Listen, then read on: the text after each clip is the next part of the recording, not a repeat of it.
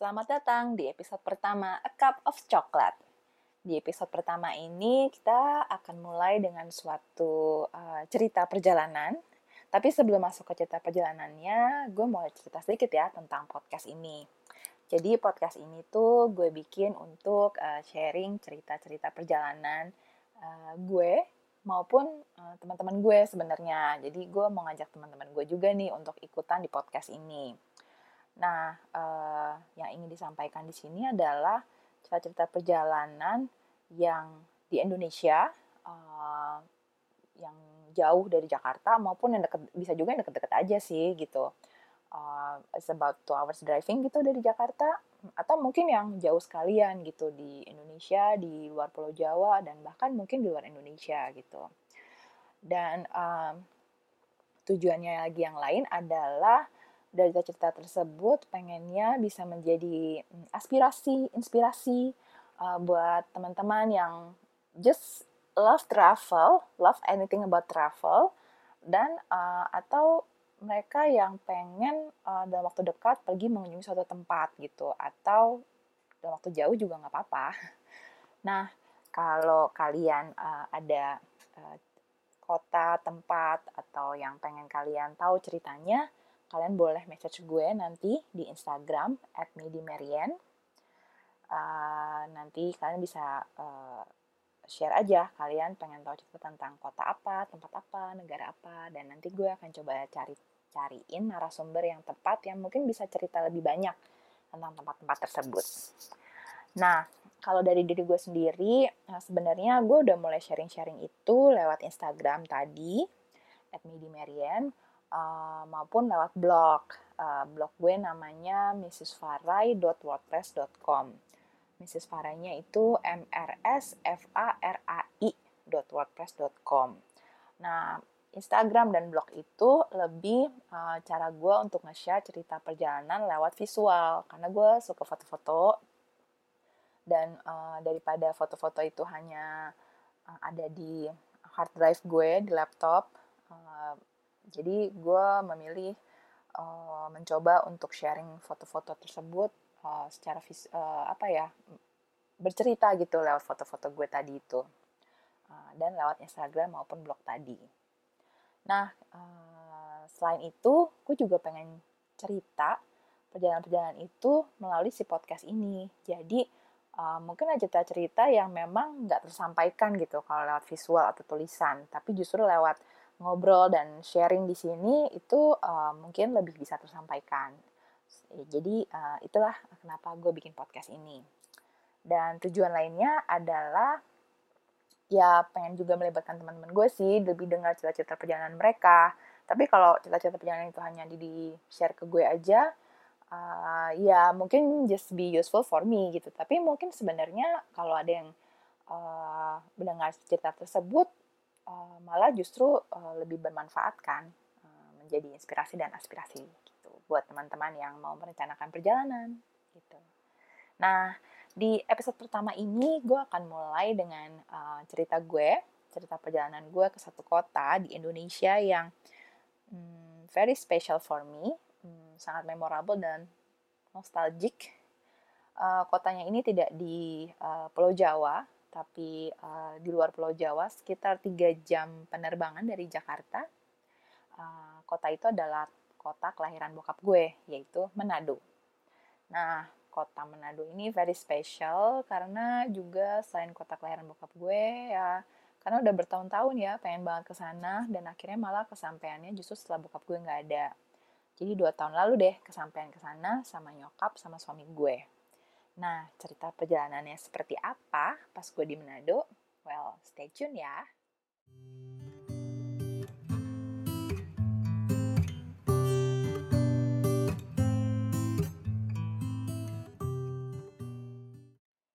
Nah, uh, cerita ke Manado uh, kita mulai dengan persiapan perjalanannya dulu ya.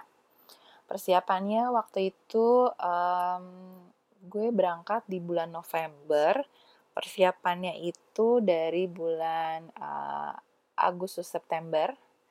Uh, jadi sekitar Agustusan awal gitu nyokap gue tiba-tiba uh, beride gitu uh, pengen ke Manado. Ya udah habis itu uh, coba cari-cari tiket dan ternyata kebetulan lagi ada promo uh, Garuda Travel Fair online gitu. Jadi uh, pas banget deh momennya gitu. Tapi karena kita nggak uh, bisa cepet juga berangkatnya karena satu dan lain hal. Jadi emang paling pas waktu itu akhirnya di bulan November itu. Dan uh, dari hasil uh, browsing tiket travel online itu lumayan banget sih. Dapatnya itu PP per orang itu uh, 3 jutaan. Tapi karena ada cashback dari satu credit card yang waktu itu memang kerjasama sama si uh, apa travel online fair ini jadi lumayan banget cashbacknya jadi satu orang sebenarnya tiketnya jadinya nggak nyampe 3 juta gitu Uh, jadi ya it's quite a big uh, good deal lah ya gitu. Sementara uh, udah gitu Garuda soalnya uh, kalau lihat harga tiket sekarang aja non Garuda aja itu PP-nya udah 3, non Garuda kayak Citylink gitu ya. Yang Garuda bisa sekali jalan tuh 3 juta gitu sekarang. Uh, jadi ya uh, dari situ ya uh, sepertinya it's a good sign kan karena memang it's a good timing to go to Manado gitu So udah dapet tiket, udah aman nih gitu kan. Apply cuti lah biasa gitu.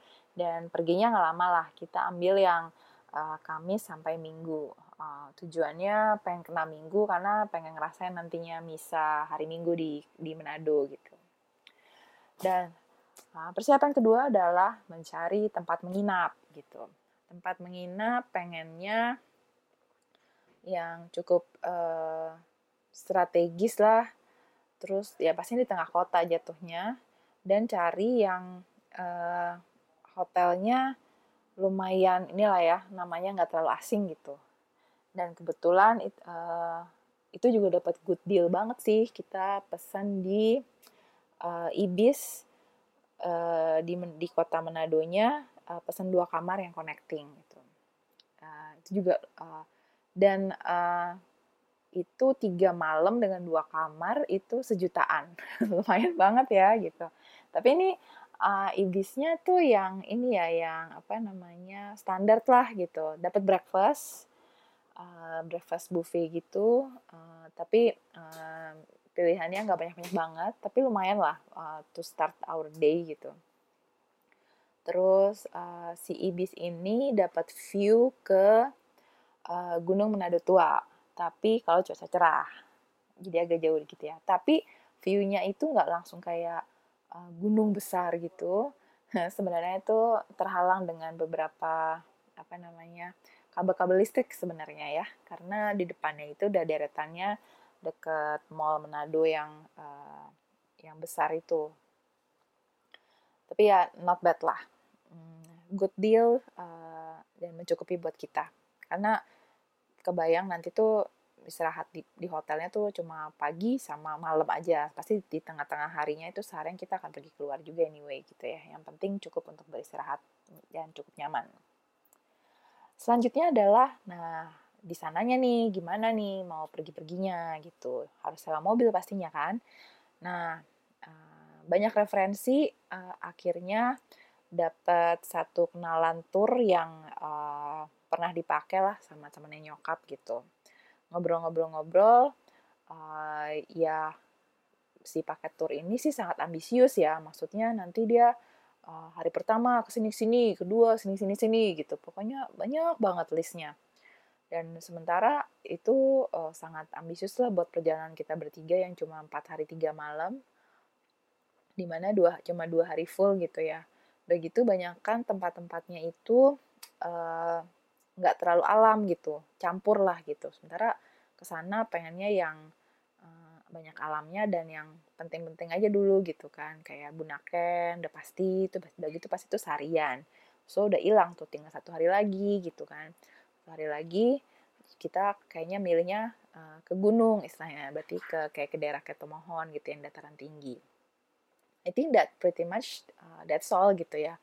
Nggak usah ambisius-ambisius banget lah ceritanya gitu. Uh, karena pengen menikmati juga kan nggak mau serba terburu terburu terburu gitu. Dan paketnya ini uh, kita paketnya private gitu jadi kita doang. Sebenarnya nggak dibilang kayak paket tour sih cuma uh, kita sewa mobil dan drivernya ini sekaligus sebagai guide gitu. Uh, sewa mobilnya udah all in uh, udah ikut bensin segala macam jadi nggak perlu berhenti berhenti terus isi bensin gitu. Terus sama sekalian dipaketin ke Bunaken. Nah ke Bunaken ini sebenarnya uh, pilihan paket-paketnya itu uh, ada yang kayak open trip itu jauh lebih murah sih guys tapi karena gue bawa nyokap kayaknya nggak mungkin sih yang open trip itu gitu. Jadi mau nggak mau memang kita harus sewa yang isinya kita doang gitu. Dan emang itu ya pastinya lebih mahal daripada yang open trip itu. Uh, tapi ya demi kenyamanan juga ya. Jadi ya se jadi kita pilih yang paket itu. Itu um, harganya uh, mungkin uh, very sorry aku agak lupa per harinya berapa dan totalnya totalnya. Tapi kalau referensi yang sekarang aku lihat di beberapa website di luar biaya biaya pesawat itu untuk 4 hari 3 malam itu budgetnya per orang termasuk kebunakan itu sekitar satu setengah 1,6 juta. Uh, di luar makan ya gitu. Tapi udah all in kayak paket apa uh, masuk ke tempat-tempat wisata all in juga kebunakan dan kalau kebunakan itu bisa mengunjungi uh, pulau namanya Siladen dan Nain. Tapi kemarin kita cuma sampein ke Siladen aja. Nah hmm, pretty much itu persiapannya. Uh, udah dapat pesawat dapat hotel dapat nginep sama uh, apa yang buat uh, lokal transportnya itinerary-nya juga yang tadi aku bilang kurang lebih ya hari pertama apa dua hari full itu isinya Bunaken sama gunung. So kita mulai perjalanannya dari awal kita di Manado. Hari pertama. Hari pertama itu uh, nyampe airport ambil flight yang pagi nggak pagi-pagi banget ya guys nyampe sana itu uh, before lunch. Terus dia dijemput sama si uh, dari travelnya ini kebetulan langsung sama ownernya yang jemput kita uh, namanya Pak Andrew aku masih ingat. Uh, sangat-sangat ramah. Uh, kemudian dari airport kita menuju ke hmm, namanya uh, patung patung Yesus memberkati Christ, Christ blessing ceritanya. Jadi patung itu patungnya tinggi sekitar 30 meter uh, dan itu adanya lokasinya di perumahan Ciputra. Jadi uh, patungnya itu kayak Yesusnya kayak terbang gitu. Dan itu nggak tahu dari agak ketinggian deh. Dari situ kita diajak makan Wah, ini nih. Duh, kalau ngomongin makanan di Manado itu langsung-langsung lapar ya. Oke, nah terus mau makan di mana nih gitu. Yang pasti kita nggak mau tempat-tempat fancy lah ya gitu. Pengennya makanan lokal pastinya, Manado gitu loh. Terus uh, akhirnya kita dibawa ke kayak di parkiran eh di halaman mall gitu. Uh, makanannya tuh kayak makanan uh, dibilang tenda bukan tenda sih jadi tetap ada atapnya gitu. Dan tapi di, di situ view-nya itu ke Gunung Manado tua. Jadi uh, apa very tradisional dan uh, tapi dapat view gitu. Wah nice banget lah ya. Terus makannya itu paket uh, jadi paketnya itu ingat banget 25.000 itu dapat tiga lauk dan satu sayur. Wah itu um, ada yang halal dan tidak halal pastinya. Dan akhirnya kalap lah ya kita. Uh, saking laparnya juga udah jam makan terus kalap juga ngeliat harganya cuma 25 ribu udah dapat tiga lauk dan satu sayur. Dan saking kalapnya dan itu ngambil sendiri guys. Ngambil sendiri. Jadi uh, bisa bebas ngambilnya sebenarnya dan saking kalapnya akhirnya gue nggak habis tapi makanannya gue bawa gue bawa ke hotel gitu jadi bisa dibungkus gitu Uh, terus uh, dari situ kita ke hotel istirahat, istirahat. Terus cita-citanya di sore hari itu adalah pengen banget makan pisang goreng sambal roa sambil penghadap hmm, pemandangan laut gitu. Masih pemandangannya pasti ke si Gunung Manado tua itu. Uh, dan uh, itu uh, jadi ada tenda-tendaan di pinggir jalan, tapi uh, karena di situ pantainya pantai kerikil ya pantai-pantai bukan kerikil ya pantai berbatu-batu gitu jadi ya cuma tempat tenda makan terus view-nya langsung ke Simrado Tua itu. Uh, kesampaian makan pisang goreng sambal roanya tapi nggak kesampaian lihat pemandangannya karena pas sore itu kita keluar mendung dan ternyata sampai di lokasi itu hujannya gede banget. Jadi tetap pengen makan si pisang goreng itu akhirnya uh, suami gue yang turun ke beli pisang goreng dan dia cuma nanya pisang gorengnya harganya berapa uh, terus harganya itu dua ribuan kalau nggak salah. Lalu suami gue langsung beli yang aja beli 10 gitu. Udah nggak ngeliat tuh dia langsung buru-buru masuk mobil sampai mobil langsung makan. Langsung makan udah kepengennya kan pas hujan-hujan terus pisangnya masih hangat-hangat. Pas ngambil ya ampun gede-gede banget guys pisangnya. Jadi itu wah satunya udah kenyang banget gitu. Nah terus malamnya kita uh, makan gak jauh dari hotel uh, kayak di rumahan gitu dan ini terkenal banget namanya tuh uh, sop rusuk. Nah yang unik adalah uh, ini tuh yang uh, bikin itu bukan orang asli Manado, orang dari Surabaya. Uh, terus dia uh, hijrah ke Manado dan bikin uh, uh, tempat makan ini. Tapi laku banget dan tapi lakunya itu kebanyakan buat orang uh, pesan antar gitu. Jadi jarang yang makan di situ sebenarnya. Apalagi kemarin juga pas hujan ya tapi enak banget sih oh ya ini uh, sekali lagi uh, tidak halal uh, terus yang pesan sih cuma suami gue sama nyokap gue gue memilih untuk menghabiskan sisa makan siang gue yang tadi gitu udah deh kembali ke hotel dengan perut kenyang happy sih yeah. nah terus tapi kita deg-degan karena besok itu rencananya keesokan harinya kita pengen ke Bunaken kalau ini hujan udah pasti nggak bisa bu ke Bunakennya gitu. Tapi si Pak Andrew ini menenangkan, nggak apa-apa kalau nggak jadi kita switch aja rencana kita ke Bunakennya, kita mundurkan di uh, lusanya. Kita, jadi jadwal besok kita ganti ke gunung. Nah, yang terjadi adalah memang memang benar-benar berkat Tuhan adalah di hari kedua bangun pagi cuaca cerah banget gitu langitnya biru lautnya kelihatan tenang dari jauh gitu kan wah oke okay, confirm ke si Pak Andrew-nya, oke, okay, uh, confirm kita jadi kebunaken. Wah, senang ya gitu. Walaupun ternyata uh, ke pas mau kebunaken ini kita nggak bisa dijemput depan hotel karena waktu itu ada acara jalanan ditutup. Jadi kita harus jalan kaki ke belakang hotel untuk dijemput. Nah dari situ nggak langsung ke bunak nggak langsung ke tempat buat naik kapal ke bunakennya kita sempat mampir ke uh, jembatan uh, jembatan uh, yang terkenal di Manado. Ah, nah dari situ foto-foto sebentar, tapi sebenarnya agak susah sih foto-fotonya. Uh, foto-fotonya jadinya cuma sebentar, habis itu kita langsung ke tempat kapal aja sih gitu. Nah di tempat kapal itu ternyata dekat sama restoran yang kita maksud yang ada tulisannya tuh Manado gitu. Wah, kayaknya kalau orang yang ke Manado tuh pasti deh pada foto di situ dan nyokap gue udah dapat referensi itu dari temennya nah, jadi udah cita-cita banget tuh pengen foto di situ dan ya puji Tuhan jadi kesampaian. Jadi sebelum ke Bunakan kita foto dulu situ baru deh kita naik kapal. We go to Bunaken nah ini Bunakan ceritanya seru banget nih. Tapi aku istirahat sebentar ya mau minum hot coklat dulu. Bentar ya.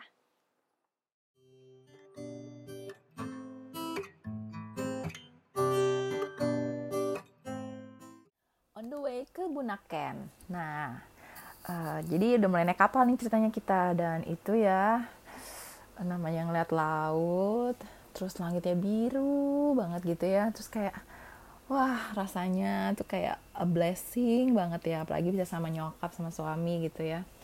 Jadi di kapal itu kita bertiga sama si supir kapalnya, sama asistennya dan uh, Pak Andrew-nya ini gitu. Nah, di perjalanan ini jadi Bunaken ini tuh kepulauan guys. Ya, dan itu empat pulau besarnya itu ada Bunaken uh, ada Manado Tua ada Nain Siladen oh lima sama satu lagi namanya Mantehage. Nah kita itu rutenya sebenarnya cuma dapat Bunaken uh, sama Siladen.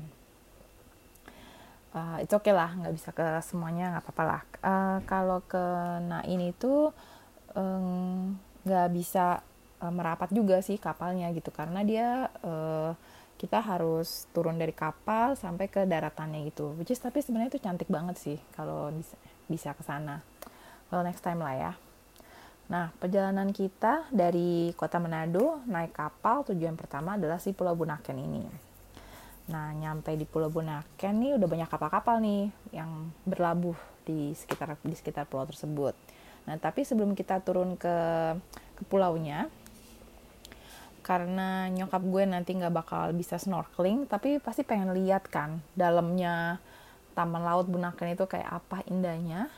So kita uh, sewa sebentar namanya kapal yang ada uh, kaca di lantainya. Jadi dari situ kalau buat yang pada nggak snorkeling tapi tetap bisa ngelihat keindahan Taman Laut Bunaken. Ya, jadi under the sea-nya gitu bisa tetap melihat uh, betapa indah dan clear-nya gitu ya.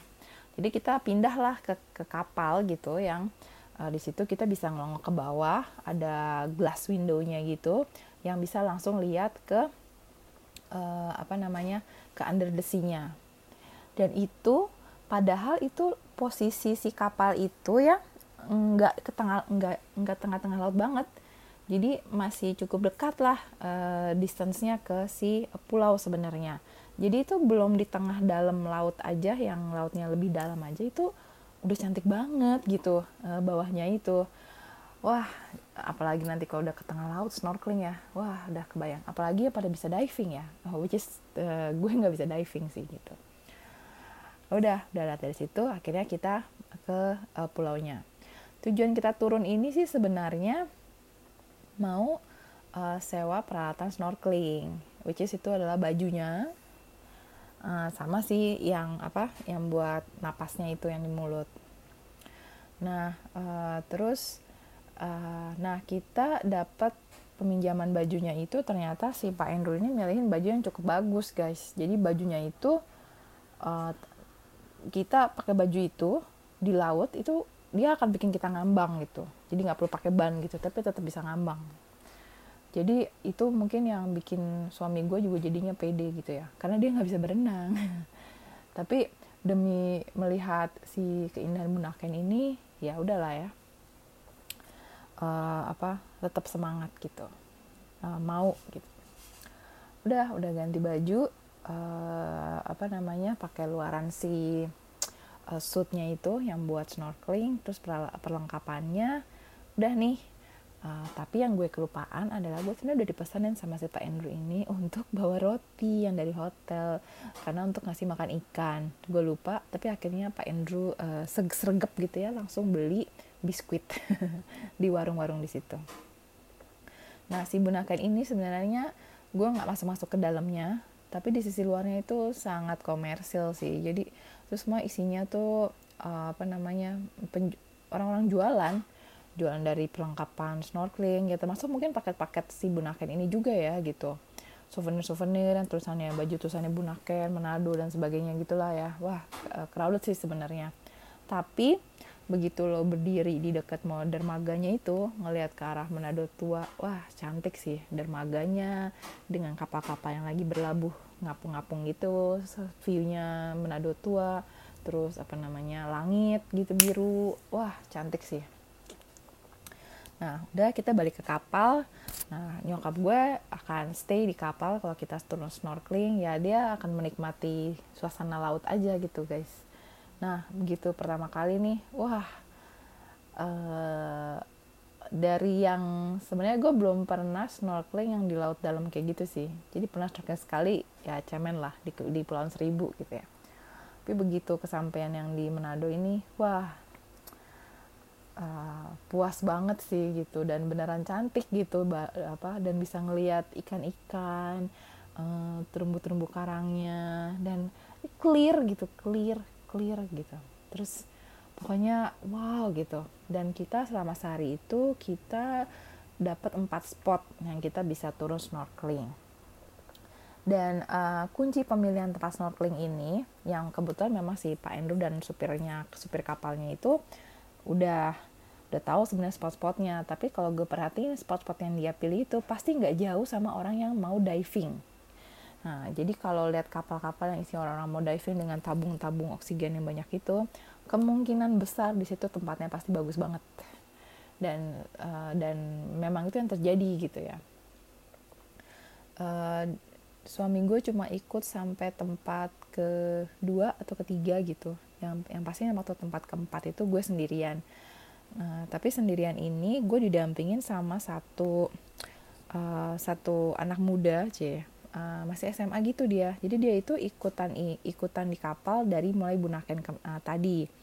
Uh, dia itu bertugas untuk bantuin foto-foto under the sea, c sama sama uh, bantuin uh, bantuin kita pas lagi dam, eh, dampingin kita pas saat pada saat kita snorkeling gitu. Jadi gue didampingin uh, jadi ada dua orang suami gue sama satu orang lagi gue sama, sama satu orang lagi ganti-gantian tuh. Bisa sama yang si anak muda ini bisa sama yang satu yang agak lebih senior gitu.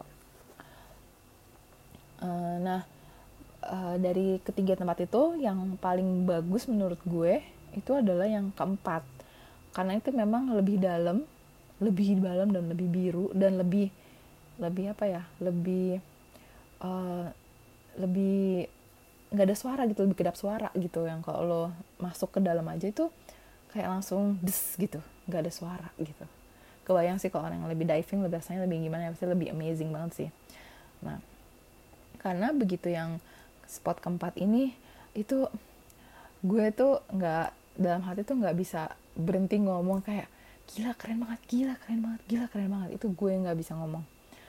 Apa nggak bisa berhenti ngomong dalam hati gitu karena nggak mungkin ngomong ya karena lagi snorkeling gitu kan. Tapi pas udah agak uh, sempat naik kepala ke atas tuh gue nggak bisa berkata-kata apa apa gue cuma cuma apa ngasih jempol gitu ke nyokap gue sama suami gue yang di kapal gitu. Eh, keren banget gitu. Terus habis gitu lanjut lagi dan pas saat gue naik ke kapal terus pasti gue cuma cuma nggak bisa berkata-kata gitu. Cuma ini bagus banget bagus banget gitu. Kayak wah nggak keindahannya cuma bisa kerekam di di kepala gitu diingatan ya. Karena mau pakai kamera sebagus kamera itu yang di, yang dibawa sama si uh, anak itu juga nggak bakal seindah yang gue lihat gitu. Nah jadi udah puas banget ya ngeliat uh, si under the sea-nya itu Nah, uh, pulau yang kita kunjungi itu adalah yang berikutnya itu adalah Siladen. Siladen ini kita kunjungi setelah kita snorkeling di dua tempat. Kita ke Siladen. Ini kita untuk istirahat makan siang. Makan siangnya itu buat gue fancy banget sih. Jadi di pantai, di meja-meja kayu, terus uh, apa ya air mineral gitu. Terus uh, kita makan disajiin ada uh, ikan ikannya seger banget. Jadi ikannya tuh dimasak satu dibakar pakai sambal dabu-dabu pastinya. Dan yang uh, ikannya ikan baronang gitu. Terus uh, yang satu lagi ikannya itu diolah kayak pakai bumbu uh, uh, apa ya namanya kok di Manado disebutnya. Bukan tinoransak sih uh, tapi tetap rasanya pedas tapi uh, ikannya itu seger banget beda banget sama ikan-ikan yang kalau lo makan di Jakarta gitu. Karena pas diceritain di sana itu kalau uh, datang ikan itu nggak pernah masuk kulkas cara di pulau itu yang listrik itu cuma cuma nyala dari jam malam abis maghrib gitu sampai pagi jam 5 setelah itu nggak ada listrik selama seharian. Jadi nggak mungkin dan ikan itu datangnya pagi jadi nggak mungkin tempat disimpan yang gimana. Jadi cuma tak ditaruhnya tuh di kotak si es gitulah. Jadi nggak pernah masuk nggak masuk freezer gitu. Jadi langsung dibawa dari kota eh maksudnya nggak dibawa dari kota sorry maksudnya dari tem, abis dari tempat penampungan ikan uh, di, uh, dibawa ke situ gitu. Jadi fresh banget ikannya sih. Terus pastinya ada bawang jagung sambal roa sambal budabu wah buat gue tuh mewah banget sih. Nah uh, terus ya udah abis saat kita bisa santai-santai dulu di pulau itu sebelum kita uh, lanjut lagi uh, snorkeling di spot-spot selanjutnya yang sisa dua tadi. Nah pas kita lagi makan itu uh, ada serombongan turis-turis Korea. Uh, turis Korea mereka cukup banyak. Uh, mereka makan juga tapi di meja yang lebih besar dari kita. Nggak uh, jauh dari kita. Dan lucunya adalah mereka disajiin uh, mie goreng. Wow ke Manado makan mie goreng. Dan ternyata mie gorengnya itu sebenarnya bukan mie goreng tapi indomie goreng. Wah. Ya which is kalau menurut kita sayang banget ya lo udah nyampe Manado makannya mie goreng gitu ya. Tapi ya mungkin it's what they want gitu I don't know. Tapi kalau buat kita puas banget sih makan ikan itu nah selesai dari Bunaken itu sampai sunset lah ya. Jadi kita menuju pulang ke balik ke kota Manado itu jalan perjalanan pulang itu ya menikmati sunset di di perjalanan di kapalnya gitu. Jadi tapi dengan baju ya basah pastinya kan belum ganti baju gitu ya. Tapi pas balik itu tuh rasanya wah seneng banget. I cannot help I cannot help for not smiling gitu. Jadi wah senyum terus ketawa terus. Pokoknya wah menyenangkan banget seharian itu gitu. Bisa di laut dengan cuaca yang cerah gitu. Bisa menikmati pemandangan yang sangat indah di apa di udara di laut dan di dalam dan di dalam laut gitu ya. Wah. Dan penutupnya setelah kita mendarat lagi lapar dong lapar lagi dikasih tahu ada tempat restoran makan uh, namanya Pondok Tuna. Dan itu sederhana sama hotel kita sebenarnya. Uh, mampirlah ke situ. Dan di situlah gue bertemu dengan sate tuna yang aduh enak banget. Satenya tuh cuma kayak dibakar gitu tunanya dibakar ditusuk gitu pakai tusukan sate gitu. Dengan bumbunya tuh sebenarnya sebenarnya seperti bumbu kecap tapi bukan gitu ya. Udah tuh dimakan sama sambal dabu-dabu. Wah enak banget sih. Wah kebasi kebayang rasanya enak banget dan ya udah balik ke hotel hari itu dengan wah perut kenyang hati senang. Wah pokoknya indah banget tuh hari itu. Dan udah kita kembali istirahat. Dan oh ya ingat cerita pisang goreng yang ternyata besar-besar itu? Dan pisang goreng itu masih belum habis sampai malam itu. Padahal udah kita bawa di kapal udah, diban- udah dimakan juga sama yang lainnya. Tapi tetap nggak habis-habis ya karena kenyang banget satu aja gitu. Jadi pisang itu masih ada sampai uh, di keesokan harinya pas kita mau uh, jalan-jalan uh, ke arah dataran tinggi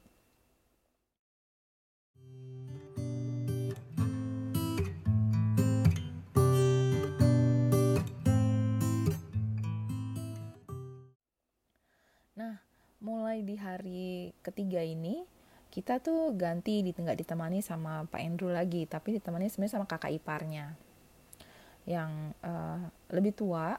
Tadinya sempat ini ya takutnya dia kurang ramah gitu, tapi ternyata dia itu tahu banget cerita banyak cerita tentang Manado gitu.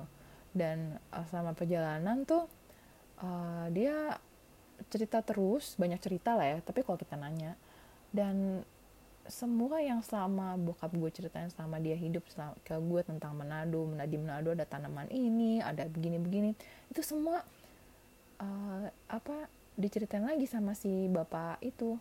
Dan itu kayak ya that's the way it is yang Manado seperti itu gitu ya. Jadi uh, nostalgiknya uh, makin-makin tuh karena didampingi sama bapak supir yang ini gitu. Dan di hari kedua ini uh, kita rutenya ke dataran tinggi ke daerah salah satunya ke daerah Tomohon. Terus uh, kita awali dengan mengunjungi namanya uh, mungkin gue nggak akan cerita semua tempat yang dikunjungi di hari itu karena ada beberapa tempat. Tapi yang ada ada satu tempat yang kita kunjungi namanya Bukit Doa Tomohon Bukit Doa Mahawu di Tomohon. Itu letaknya tinggi banget. Jadi kalau naik ke sana tuh kayak bisa ngeliat awan gitu. Jadi kita bisa ada ketinggian yang kita tuh sejajar sama awan gitu. Nah bukit doa ini di sini tuh sebenarnya kita bisa uh, apa namanya bisa melakukan kalau bagi kalian yang umat Katolik itu bisa melakukan jalan salib tapi kebayang dong jalan salibnya itu di tengah hijau-hijau gitu dan uh, jalan apa pemandangannya pun bisa ke uh, Gunung Lokon gitu kalau cuaca cerah. Nah, jadi karena kemarin udah beruntung banget dikasih berkah Tuhan uh, langit yang biru untuk kebenakan. Nah, di hari ketiga inilah kita dikasih hujan lagi seharian. Jadi cuacanya mendung gitu ya. Uh, jadi uh, apa lihat si Gunung Lokon itu ketutupan awan gitu cloudy cloudy gitulah. Tapi but still it's still gorgeous anyway. Nah di Bukit Doa ini selain kita jalan salib kita ada juga ini suatu kayak kapel gitu kecil. Tapi dia itu ada uh, di belakang altarnya itu ada jendela yang bentuknya melang kayak melengkung lingkaran gitu dan viewnya itu ke Gunung Lokon. Uh, lihat itu sih gue langsung kepikirannya gila nih kalau wedding di sini when you make the vow gitu your holy matrimony dengan viewnya Gunung Lokon itu keren banget sih. Dan ternyata memang sering dipakai untuk wedding gitu tempat ini. Jadi ya uh, keren banget sih dan di situ ada taman doanya juga kita bisa doa di sana gitu. Cuma kemarin itu kita masuknya itu dari pintu belakang. Jadi yang memang uh, langsung ke si kapelnya ini. Tapi kalau kita masuk dari pintu depan itu kita uh, bisa mulai tuh jalan salib dari situ sampai nanti uh, ujungnya di tempat yang ada si kapelnya ini.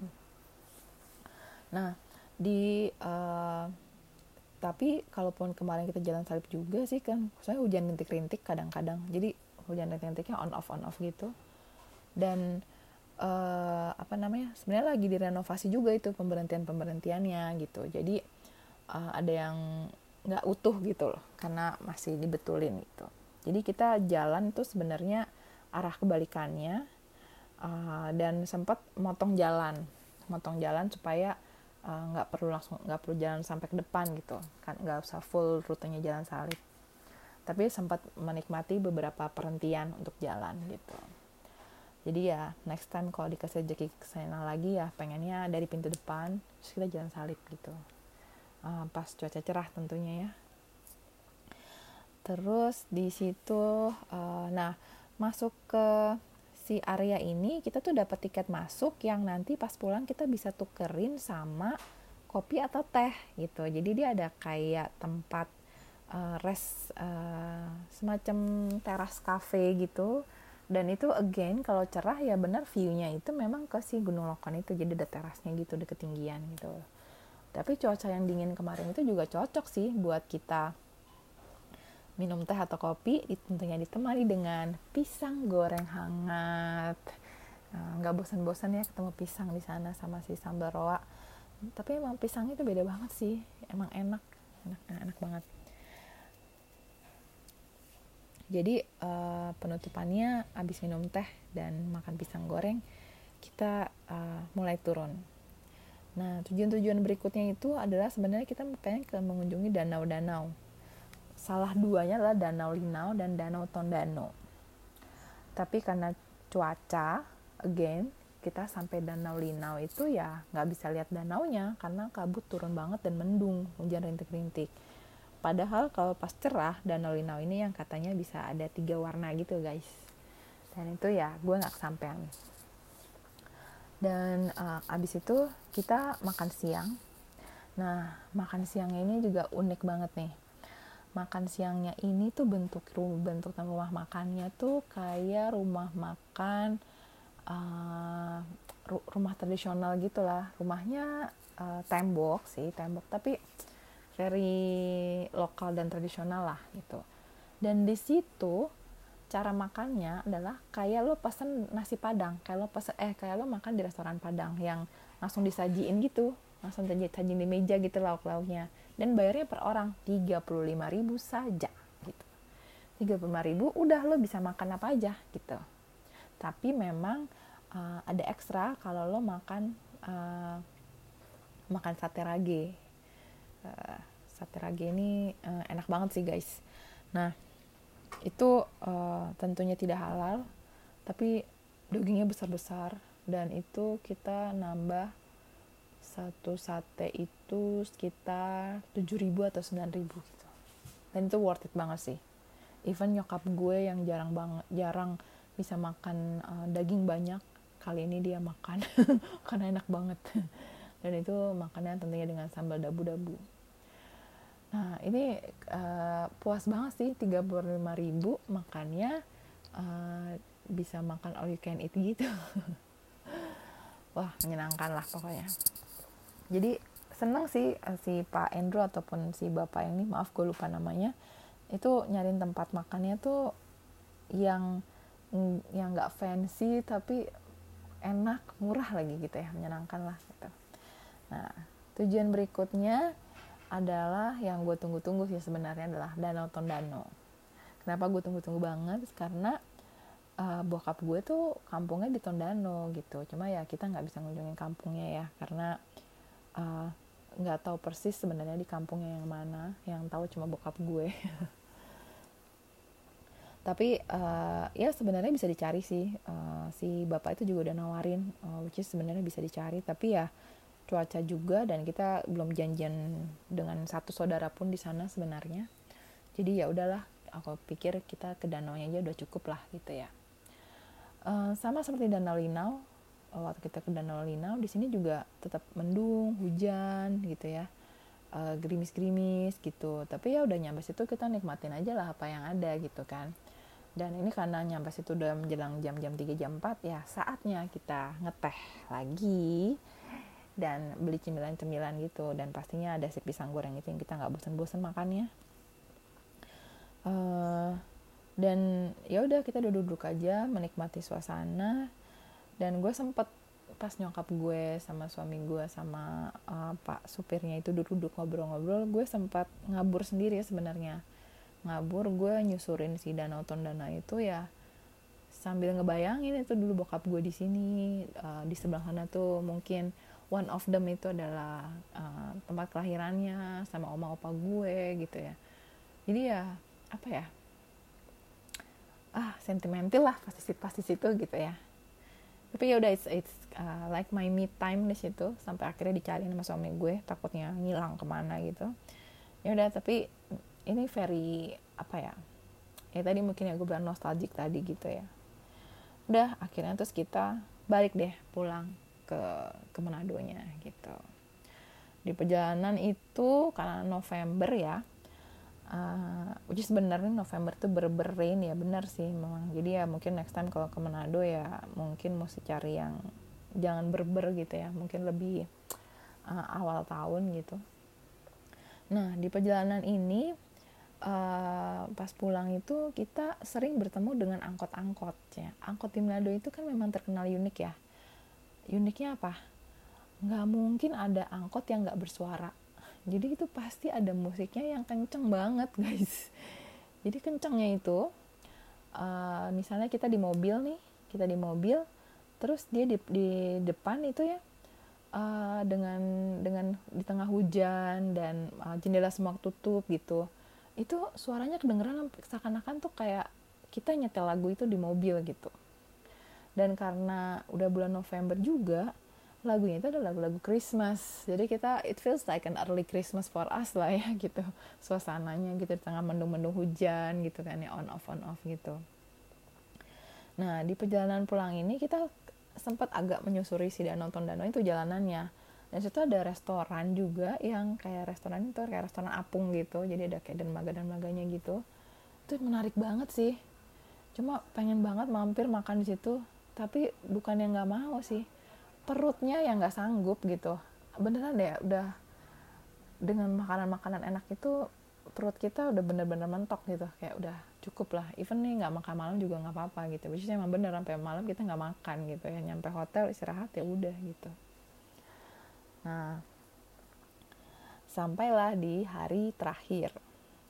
Di hari terakhir itu seperti yang tadi gue bilang di awal, kita ngejar banget bisa sampai hari Minggu di sana karena kita mau ngerasain misa hari Minggu di Manado. Dan gue udah ngincer banget pengen misalnya di katedral gitu.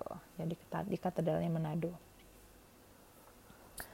Ah, ceritanya seperti apa? Aku lanjut lagi dulu ya guys. Uh, break dulu sebentar, nanti kita lanjut cerita tentang hari terakhir kita di kota Manado.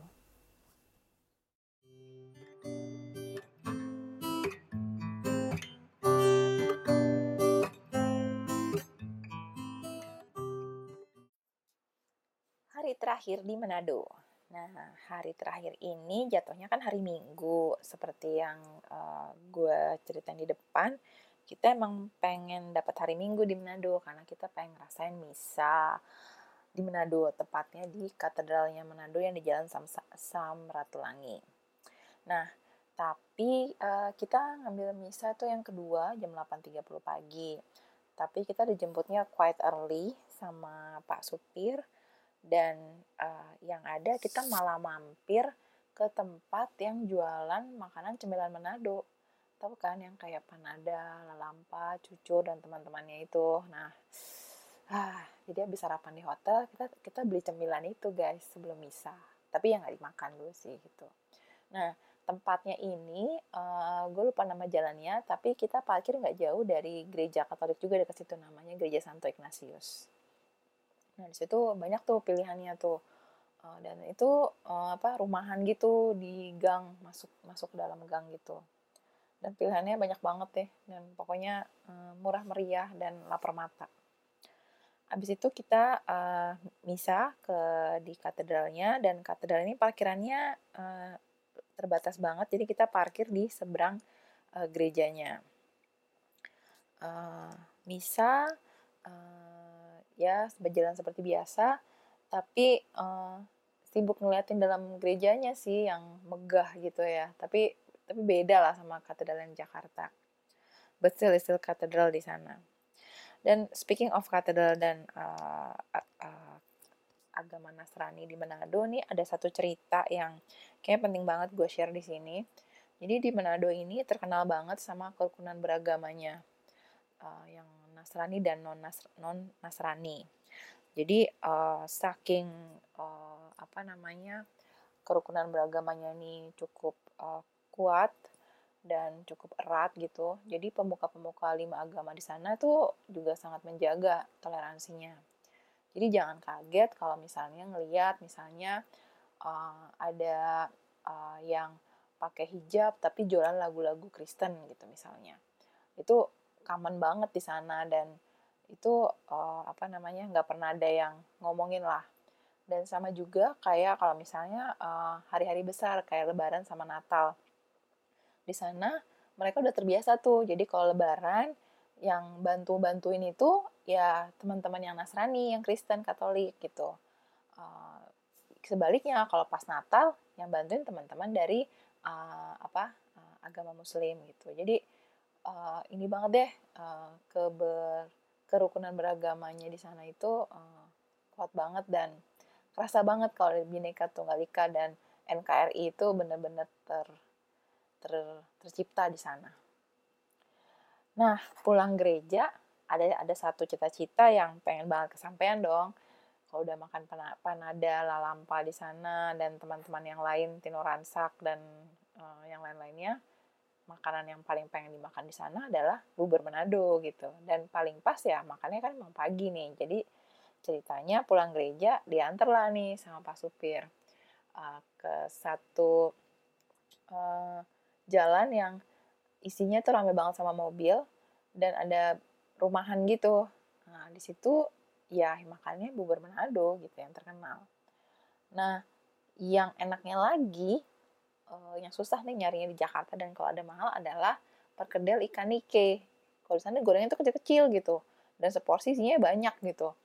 Dan itu cocok banget sih dimakan sama si bubur Manado itu. Tapi kalau lagi panas gitu, wah renyes-renyes lah, enak banget lah gitu. Kalau di sini pernah lihat harganya di sarang oci itu 50.000 dapatnya 4 biji kalau nggak salah tapi agak gedean dikit sih gitu tapi will not be the same lah jadi wah udah puas banget ya. Terus uh, udah makan itu. Terus balik ke mobil masih banyak cemilan tuh. Yang si panada lah yang lalampa lah yang cucur gitu. Oke. Okay. dari situ kita balik ke hotel untuk siap-siap check out. Dan habis itu uh, balik deh ke Jakarta. Nah, tapi sebenarnya ada uh, keinginan untuk makan siang itu menikmati ikan tuna. Ingat kan satu ikan tuna yang tadi gue ceritain di awal yang enak banget itu? Nah, katanya kalau restoran tuna itu kalau siang emang nggak buka gitu. Jadi emang bukanya sore. Jadi tapi katanya ada restoran tuna di uh, di deretan seberangnya, sederetan sama uh, Matos, Manado Town Square itu yang nanti menghadap ke laut itu Ah, katanya ada tuh di situ jadi semacam tendaan bukan ya, tapi uh, deket ruko-ruko gitu. Wah, jadi udah semangat nih sebelum ke airport kita nikmatilah si si ikan tuna itu kan. Eh, tapi ternyata lupa kalau itu hari Minggu. Kalau hari Minggu kayaknya pada sibuk beribadah, pada sibuk sama keluarga kali ya. Jadi tutup lah restorannya. Nah, sambil nunggu ya udah no choice tapi perut juga belum lapar-lapar banget karena tadi isiannya udah banyak jadi ya sambil mengisi waktu menikmati suasana Manado terakhir kali kita malah duduk-duduknya di McD tapi still menghadapnya kan ke arah si Manado tua tadi ya. Jadi ya cukup menikmatilah uh, saat-saat terakhir meninggalkan kota Manado. And I'm also saying goodbye to my dad there gitu kalau karena kita udah kesampaian ke sana gitu finally gitu. Walaupun uh, apa tanpa kehadiran beliau ya gitu. But uh, one mission accomplished udah bisa ajak nyokap juga ke sana dan bisa ngeliat tanah kelahiran bokap gue. Oke deh gitu ceritanya perjalanan gue ke Manado. Dan uh, kalau ke sana lagi sih pengennya bisa balik lagi ke Bukit Dua Mahau Jalan Salib. Terus cuaca cerah menikmati danau lino yang tiga warna itu. Bisa menikmati danau Tondano juga. Dan sebenarnya masih banyak lagi tempat-tempat yang uh, perlu kita datangin di sana sih apalagi kalau momennya pas banget sama festival bunga tomohon. Nah itu it will be great sih. Nah festival uh, bunga tomohon ini adanya setahun sekali. Dan itu di sana ya nggak tahu ya apakah seindah kayak kita ke Kenhof I don't know. Tapi ya it will be worth to visit. Karena si Pak Andrew tadi yang gue ceritain di awal yang uh, tour travel kita itu waktu di awal dia nanya kita tuh mau ke mana gitu? Mau gunung atau laut? gitu. Karena kalau gunung banyak banget nih yang di luar Manado-nya. So there will be a lot things to explore sih kalau nanti datang lagi ke sana. Yang pasti I will miss miss miss the food. Oke, segitu cerita perjalanan gue yang pertama di podcast ini tentang Manado. Sampai jumpa ya di perjalanan berikutnya, petualangan-petualangan di kota-kota lain di Indonesia maupun di luar Indonesia. Siapa ya yang akan gue ajak untuk episode kedua? Hmm, kita lihat nanti ya. Dah.